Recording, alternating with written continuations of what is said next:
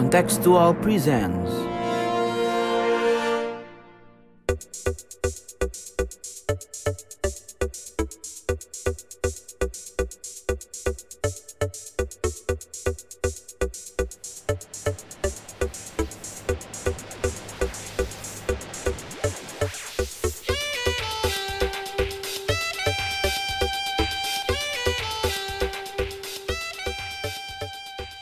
Selamat datang kembali di podcast kasual, katanya kontekstual. Yoi, berbahagia sekali. Kita akan menjawab pertanyaan-pertanyaan kalian, para conference yang udah kalian tanyain di sosial media kita dalam dua minggu terakhir karena minggu lalu kita absen, sorry sekali karena karena ikhlas lagi covid. Yo, GWS kelas. GWS ikhlas. udah udah udah mendingan sekarang Iya. Oke, jadi pertanyaan yang udah masuk ini banyak banget. Tapi kalau teman-teman masih pertanyaan belum dijawab sama kita, belum masuk ke kita, boleh ditanya terus ke sosial media kita di konteks di konteks COM di Instagram dan Twitter. Dan buat kalian yang suka sama berita HI dan nggak mau ketinggalan berita terkini, opini menarik, dan artikel ilmiah, langsung ke website kita di kontekstual.com. Jangan lupa follow juga podcast ini, podcast kasual di Spotify dan platform podcast lainnya. Ya, BTW, gue mau kasih saran-saran dulu nih buat pendengar. Oke, Kalau oke. misalnya apa? Kalau misalnya nanya jangan cuman yang lu penasaran, tapi juga yang lagi lagi in ya. Kita bakal jawab tuh pasti tuh kalau yang Yo, lagi yo, yang lagi. bakal jawab Yoi, banget saran aja. Bakal jawab banget tuh pasti itu triknya kalau pertanyaannya pengen dijawab, tanyalah yang lagi in. Tapi ada hubungannya sama HI gitu ya, jangan tiba-tiba nanya Nia Ramadhani. Jangan Mungkin itu ada HI. Agak jauh, ya. juga di Arab. agak jauh. Oke, itu udah dapat ini ya kisi-kisi dari Hafiz kalau pertanyaan pengen dijawab. Hmm. Oke, kalau gitu kita langsung aja masuk ke pertanyaan pertama. Ini dari Benny Shaw alias Asyar. Dia bertanya, menurut kita nih, akankah Republik Rakyat Tiongkok akan menjadi hegemoni yang menggusur dominasi Barat? Dan jika enggak, peran apa yang akan dipegang RRC untuk 10 sampai 20 tahun ke depan? Ikhlas dulu, ikhlas. Gimana lo ngeliat uh, posisi Cina saat ini? oke ya jadi kalau kita ngelihat posisi Cina apalagi ya in relation to US gitu ya terhadap US dan masalah hegemoni hegemoni ini ya kita bisa lihat dari beberapa aspek gitu kalau pertama secara aspek ekonomi ya udah udah kelihatan bahwa ya China has overtook the US gitu untuk menjadi kekuatan ekonomi terbesar di dunia gitu kan. Secara GDP dan dia juga jadi apa eh, manufacturer of the world gitu kan. Kayak udah pabriknya dunia. Dan eh, menurut gue kalau dari sisi itu udah semakin jelas dan apa bahwa Cina itu terutama secara ekonomi itu udah menjadi semakin dominan di dunia. Sebagaimana dan ini juga berhubungan ke ya hampir virtually hampir semua negara lainnya yang tujuan ekspor ataupun asal impornya tuh shifting dari yang awalnya mungkin Amerika atau negara lainnya sekarang jadi eh, didominasi oleh Cina gitu. Dan ini bukan kayak cuma negara-negara di Asia Tenggara doang tapi kayak sejauh negara di Latin Amerika dan di Afrika juga eh, mengalami pola yang serupa gitu.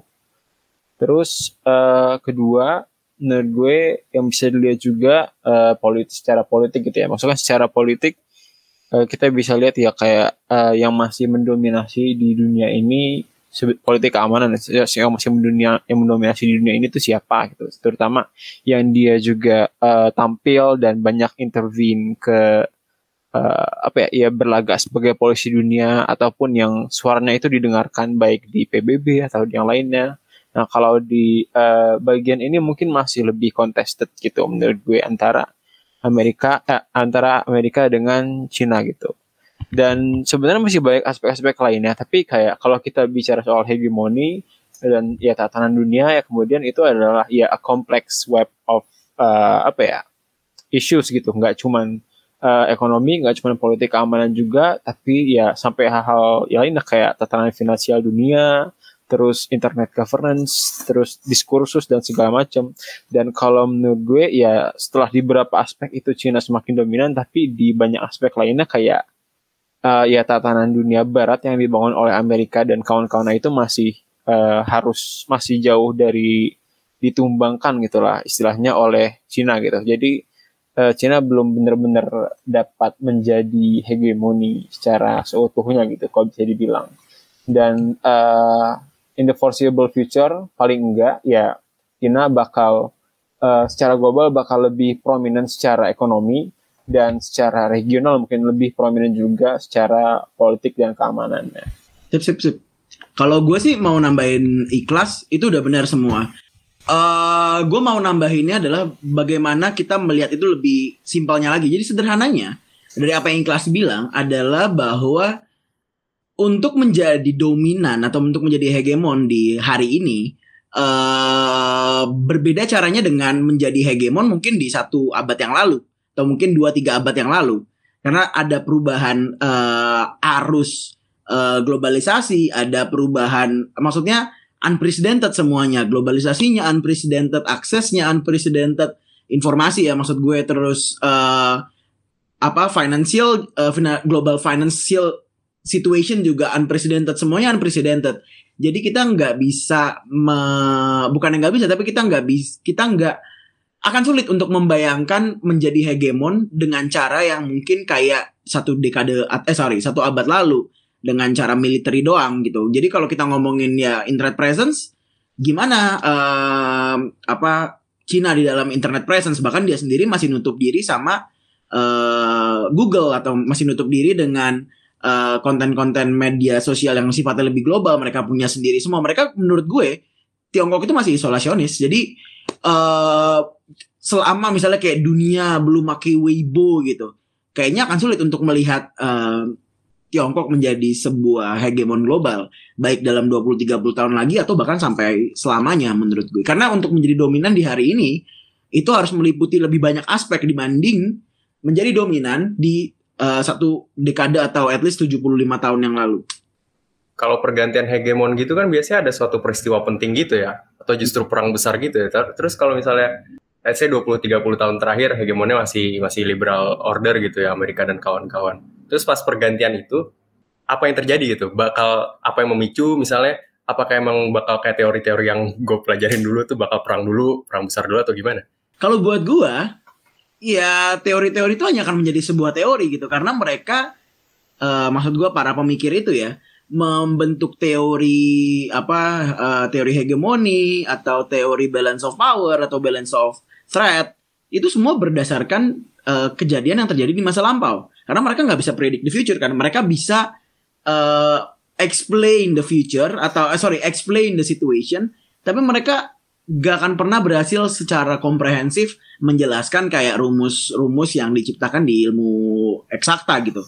Jadi ketika ketika ketika kita berbicara rumus ya itu hanya akan menjadi rumus sosial, rumus dalam ilmu sosial yang mana pasti nggak akan pernah komprehensif. Jadi ketika kita ngomongin oh di masa depan pergantiannya akan seperti apa, kalau menurut gue akan ada perang pasti, tapi perangnya belum tentu menjadikan itu uh, apa menjadikan pergantian hegemon bisa aja habis semua. Karena ya udah ada apa uh, mass destruction uh, power kan mass destruction weapon gitu. Apa sih istilahnya MWD apa gue lupa. Senjata penghancur massal. Yeah. ya kan? Yang nggak ada di yang baru ada di perang dunia kedua yang kalau perang tiga dipakai lagi ya practically seluruh dunia habis. Tapi akankah kita merelakan kos itu sebesar itu? Maksudnya gini semua negara takut untuk berperang atau menjajah uh, dalam skala besar kayak Roman Empire ya karena itu. Karena lo ke kiri oh ada ada temennya yang punya senjata menghancur masa lo ke kanan oh ada dia yang punya senjata menghancur masa lo ke sini jadi lo nggak bisa punya bayangan raja global seperti uh, di masa lalu gitu seperti main Führer. Sorry maksudnya seperti Hitler bukan main Führer ya. Ntar itu jadi gua dong. Gua dong. Jadi yeah. Hitler dalam apa? Eh, nggak uh, ada lagi. Uh, mungkin ada yang punya bayangan itu, tapi akhirnya menutup diri karena karena nggak karena nggak karena kosnya nggak bisa ditanggung. Oke, okay, uh, eh, kalau menurut gue sih perang tuh apa ya?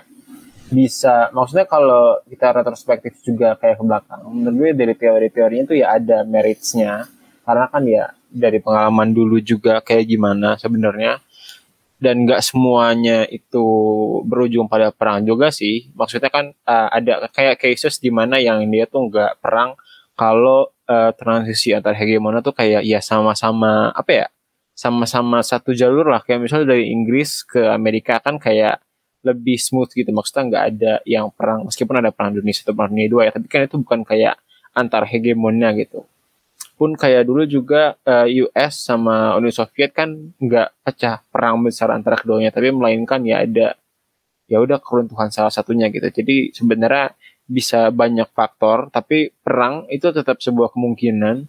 Cuman setuju sih sama kayak Hafiz tadi kayak kalau sekarang sih sebenarnya costnya agak agak terlalu tinggi untuk bisa ditanggung baik oleh kedua negara. Jadi ya paling bakal ada ya konfrontasi terbatas mungkin atau ya udah lama-lama uh, hegemonia just slipping away from the US gitu terus tahu-tahu ya Cina jadi hegemon kayak nothing really happens kan karena ya secara kapasitas atau secara kepemimpinan dunia emang udah beralih aja ke Cina itu bisa terjadi gitu loh tanpa harus terjadinya perang. Oke oke oke oke. Kita bisa lanjut ya ke pertanyaan selanjutnya. Ini Raihan Tas 17 bertanya, Raihan. Pertanyaannya adalah kenapa Indonesia itu tidak secara aktif menengahi konflik di Myanmar? Padahal dulu ketika konflik ada antara Kamboja dan Vietnam, Indonesia itu bisa menjadi penengah kedua negara tersebut. Kelas, menurut lo gimana? Kenapa Indonesia nggak mau menengahi konflik sama di Myanmar itu? Oke, okay, uh, eh, konflik sebelumnya ya sebenarnya ada konflik juga ya di Kamboja dan Vietnam dan Indonesia punya track record baik gitu. Gue uh, maksudnya kayak Myanmar udah cukup banyak dibahas, cuman kayak baru hmm. pertama kali ini gue juga ngeh gitu, kayak dikaitkan dengan track record uh, apa namanya Indonesia dalam menangani konflik lainnya.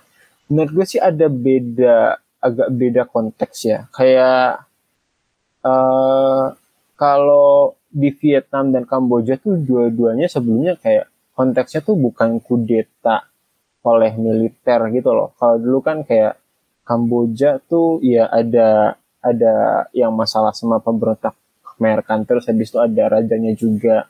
Vietnam juga bukan kayak gini gitu. Kayak uh, ceritanya beda seingat gue gue nggak inget semua detailnya tapi ceritanya tuh beda dibandingkan yang ada di Vietnam sekarang uh, cerita yang membuat ketika ada keterlibatan Indonesia gitu atau keterlibatan asing kelihatannya tuh lebih kayak ya meddling di apa ikut campur di politik domestika mereka gitu.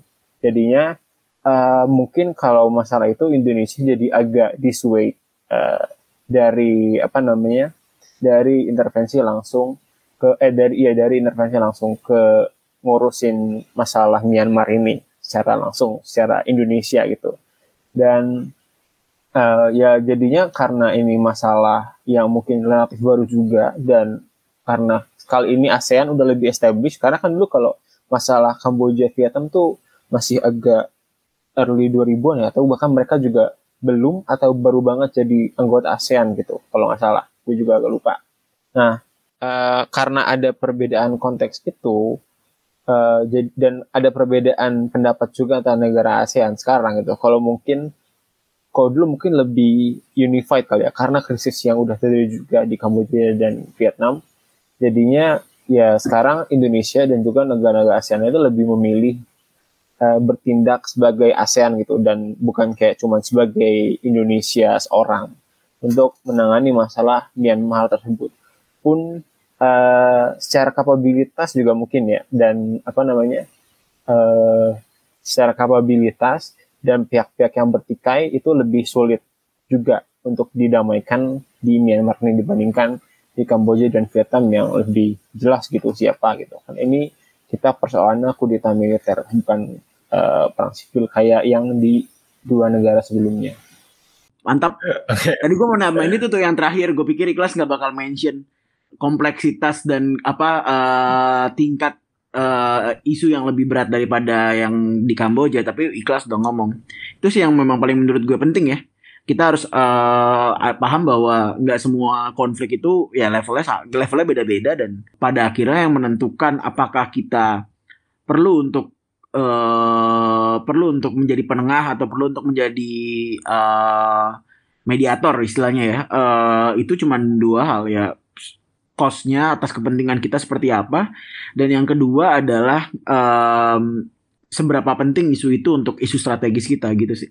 Oke, okay, oke, okay, oke, okay, oke. Kalau gitu kita bisa lanjut ke pertanyaan berikutnya. Pertanyaan dari Denis Surya Putra. Halo, saya Denis. Halo, Denis. Uh, dia bertanya, apa sih peranan gerakan non-blok pasca era Perang Dingin?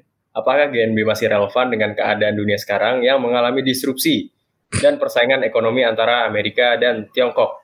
Hafiz, bagaimana Anda melihat GNB pasca Perang Dingin? Sebenarnya kalau Perang Dinginnya udah kelar, nggak nggak terlalu ada guna-gunanya, iya nggak sih? Iya dan uh, gerakan non blok kan berarti non blok atas perang dingin ya. Maksudnya secara implisit kan nggak bukan implisit, secara eksplisit emang arahnya ke sana kan. Jadi ketika pasca era perang dingin gerakan non blok praktis nggak ada perannya.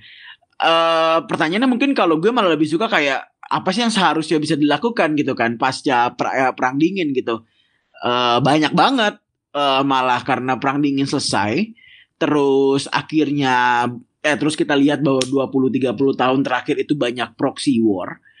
Eh uh, maksudnya perang yang terjadi di negara-negara dunia ketiga ya. Sebenarnya gerakan non blok bisa bisa membantu untuk menjadi uh, benteng dari perang-perang kecil itu gitu. Dibanding apa dibanding uh, atau mungkin gak hanya perang ya, mungkin situasi case kayak isu isu-isu sosial, permasalahan sosial kayak pan, eh, epidemi di Afrika Ebola dan segala macam sebenarnya itu kan bagian dari gerakan non blok dulu ya. Walaupun uh, mungkin negaranya dulu belum bergabung, tapi mungkin sekarang udah bergabung, tapi kan mereka bukan bagian dari blok mana pun. Jadi sebenarnya bisa fokus ke isu-isu yang memang lebih kontemporer, mungkin juga bisa punya power sendiri, bah, power sendiri dalam uh, mengatasi kerusakan lingkungan, apa climate change, atau mungkin kita mau ngomongin apa pun gerakan non blok akan punya akan punya taji karena karena memang gerakan non blok itu datang dari orang uh, sorry datang dari negara-negara yang berkembang yang merasa nggak punya power dan levelnya kurang lebih relatif setara lah ya. Uh, dan karena mereka bergabung jadi mereka punya power. Jadi menurut gue kalau itu bertahan seharusnya di pasca era perang dingin ini mereka bisa ngelakuin hal-hal tersebut. Atau mungkin sepaling sederhana adalah uh, demokratisasi bisa tapi caranya beda ya dengan demokratisasi yang dilakukan oleh hegemon. Tapi mungkin ya demokratisasi dalam konteks uh, menjaga stabilitas satu sama lain kayak uh, ya bisa jadi kayak misalnya Keisha di Myanmar juga gitu. Misalnya menjaga bagaimana uh, mungkin satu negara tetap demokrasi atau mungkin membantu negara lain masuk ke transisi uh, ke arah demokrasi tanpa harus apa harus uh, adanya perang atau konflik di daerah tersebut gitu Terus apakah GNB masih relevan dengan dunia sekarang? Tentunya karena menurut gue malah it's more relevant than ever. Karena di pasca eh sorry di era disrupsi ini bukan bukan lagi pasca perang dingin ya tapi di era disrupsi saat ini kita akan menyaksikan bahwa yang uh, laju growth rate-nya besar itu akan ada di negara-negara dunia ketiga. Negara-negara gerakan non blok uh, di Asia di Afrika. Jadi memang ketika apa ketika ketika kita memprediksi bahwa ada ketika kita memprediksi bahwa ekonomi akan besar di dua benua itu ya gerakan non blok jadi matters kan? Tapi ya itu balik lagi mungkin karena mungkin karena pada awalnya memang tidak ditujukan untuk menjadi satu organisasi apa uh, issue base ya. Kita nyebutnya tetap isu organisasi regional ya. Tapi regionalnya bukan dalam konteks fisik tapi organisasi regional berdasarkan kepentingan kayak OPEC gitu kan um, ya apa? Ya ya mungkin kita bisa jadi poros keberapa gitu untuk menghadapi uh, situasi panasnya Amerika Tiongkok saat ini. Tapi in in in other hand apa in in parallel universe in reality bahkan bukan parallel universe. Uh, in reality yang kita hadapi malah kita nggak punya kemampuan untuk menghadapi per, perang dagang dua negara itu Amerika Tiongkok karena kita nggak punya kita nggak mau ber kerjasama bekerja sama antara kita dengan orang uh, kita dengan negara-negara yang relatifly pada tahapan yang sama itu. Menurut lo gimana pas? Oke, okay, kalau gue sih pengen lebih bahas terkait gerakan non blok dulu ya. Apa namanya? Uh, ketika kita ngomongin gerakan non blok, kita juga pasti ngomongin konferensi Asia Afrika gitu kan karena ya konferensi Asia Afrika tempat diadakannya uh, gerakan non blok gitu pada tahun 1955 dulu.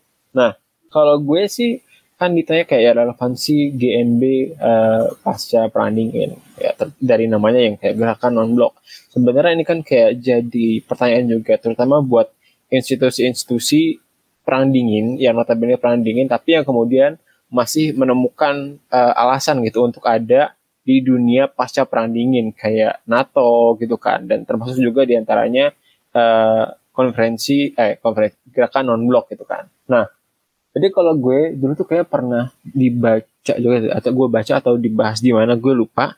Tapi intinya uh, ya kan in, uh, gerakan non blok itu adalah sebuah ya basically adalah sebuah gerakan dunia ketiga gitu loh. Jadi uh, gak ada wadah lainnya yang kayak encompassing semua negara-negara dunia ketiga. Kayak literally semua negara di benua Afrika, Amerika Latin, dan sebagian besar Asia gitu loh nggak ada nggak ada wadah yang bisa menyampung uh, gerakan yang sebanyak dan sebesar itu gitu sekarang. Nah, terus uh, meskipun udah nggak ada lagi blok barat dan blok timur, sekarang uh, ya modalitas dari GNB yang sangat besar tersebut kemudian ya dianggap ini adalah sebuah uh, yang sesuatu yang berharga gitu bagi bagi negara-negara dunia ketiga karena meskipun udah selesai gitu kan kayak perang dinginnya tapi isu-isu yang uh, dibawa di, di di gerakan non blok itu masih relevan gitu buat negara-negara di negara ketiga kayak ya udah isu uh, apa namanya anti kolonialisme kalau dulu kan dibahas tuh pertama kali ya ketika Indonesia jadi tuan rumah konferensi Asia Afrika kita sekaligus memajukan agenda kita gitu. Yang dulu uh, terkait pengembalian Papua terkait Trikora gitu kan dulu. Dan juga uh, ya development itu kan perkembangan dan juga kerjasama eh, istilahnya tuh kalau di HI istilahnya uh, South South cooperation gitu. Apa namanya kerjasama antara negara negara-negara di belahan dunia selatan gitu which is uh, developing countries. Nah jadi terutama tiga uh, isu itu yang kemudian membawa GNB masih hidup gitu sampai sekarang. Dan oleh karena itu juga ya kayak GNB itu masih ada KTT-KTT-nya sampai kemarin itu terakhir 17 sampai 18 ya kayak yang diadakan ganti-gantian di uh, ya di beberapa negara anggota. Nah, tapi lebih dari itu yang jadi momentum besar banget dan ini juga jadi apa ya? Jadi uh, keuntungan buat Indonesia itu karena ya tempat diadakan konferensi Asia Afrika uh, ya peringatan ya peringatan konferensi Asia Afrika yang didatengin ya dari presiden-presiden hampir semua negara anggotanya gitu. Kayak kemarin waktu 2005 ya kayak kita bakal tiap 10 tahun sekali kita bakal terus uh, memperingatinya ya. Kayak pas tahun 2005 dulu presiden SBY terus paling baru terakhir kemarin tahun 2015 kan kayak kapan lagi ada apa presiden Jokowi terus Xi Jinping terus Modi terus uh, apa namanya kalau dulu dulu ada Silva gitu ngumpul bareng gitu ngumpul bareng dalam suatu uh, apa namanya komunitas negara-negara dunia ketiga yang dia apa namanya ya benar-benar bisa menyatukan ya menjadi sebuah suara yang sangat besar buat uh, dia itu menyuarakan kepentingan negara-negara dunia ketiga, kepentingan yang terutama berkaitan dengan ya sekali lagi koloni apa kemerdekaan uh, dan juga perkembangan dan juga kerjasama antar negara gitu. Dan kalau gue juga melihatnya nggak sebenarnya nggak ada hubungannya langsung gitu ke uh, apa namanya entah rivalitas Tiongkok dengan Amerika Serikat. Karena ya kita nggak bicara soal itu kita bicara negara-negara dunia ketiga ya bicara lagi lagi soal uh, kemerdekaannya kayak pembebasan dari kolonialisme maupun neokolonialisme uh, isu perkembangan bagi apa negara dunia ketiga secara keseluruhan dan juga uh, kerjasama antara negara-negara berkembang untuk dapat ya meningkatkan kesejahteraannya lebih lanjut gitu. Khususnya ini juga jadi keuntungan buat Indonesia.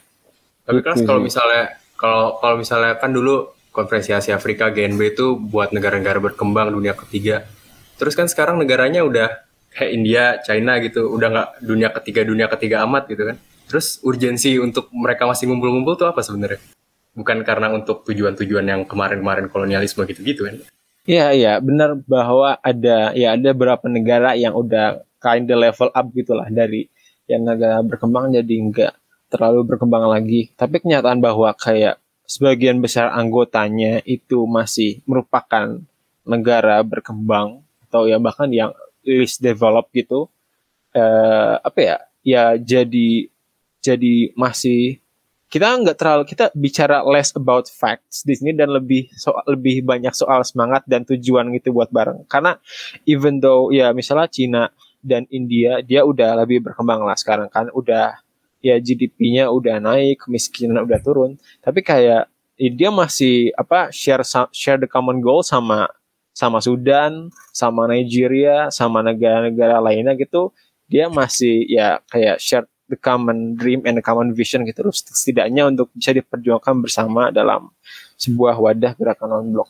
Kalau um, simpelnya gini sih, kita bisa ngelihat bahwa itu bisa jadi uh, benign and nice alternatif untuk case-case yang kita hadapin di hari ini kayak misalnya distribusi vaksin gitu. Dengan adanya negara yang udah lebih maju kayak gitu, malah bagus kan udah ada wah kayak mungkin China dia udah punya vaksin. Ya bisa didistribusikan lewat mekanisme uh, game apa gerakan non blok tadi kayak ya kayak mekanisme Covax aja kan uh, it's it's doing nice things gitu kan buat in, uh, vaksin ketersediaan vaksin Indonesia. Dan kalau kita ngelihat data bahwa baru berapa 200 ribu apa 2 juta orang yang divaksin di Afrika. Satu benua Afrika cuman baru dapat segitu. Menurut gue itu berarti kan ada ada ada permasalahan soal logistik, ada mhm. permasalahan hmm. soal sosialisasi, ada permasalahan soal kerjasama yang mereka nggak bisa nggak bisa strike deals karena mungkin mereka nggak punya bargaining power sekuat Indonesia mungkin atau India atau uh, apalagi kayak UK gitu kan. Jadi dengan adanya mekanisme GNB ini kan bisa jadi alternatif buat mereka mereka ini untuk oh kita bisa pakai ini nih buat duduk bareng diskusi bareng. Kita 55 tahun yang lalu duduk bareng loh jadi negara yang sama-sama sulit. Maksudnya dengan historical uh, ties yang panjang itu membuat mekanisme apa permintaan kerjasama ke depan itu jadi lebih mudah gitu sih. Simpelnya kayak gitu.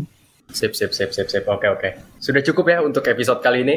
Mantap. Mantap. Mantap. Pertanyaan tentang GNB tadi menutup episode kasual kali ini. Jangan lupa untuk follow kasual di Spotify dan platform podcast lainnya. Jangan Apple Podcast juga, ada ya, Apple Podcast ya. Apple Podcast juga udah ada. Apple Podcast juga. Follow dan nanya-nanya terus ke @kontekstualcom di IG dan Twitter kalau masih belum puas sama jawaban kita.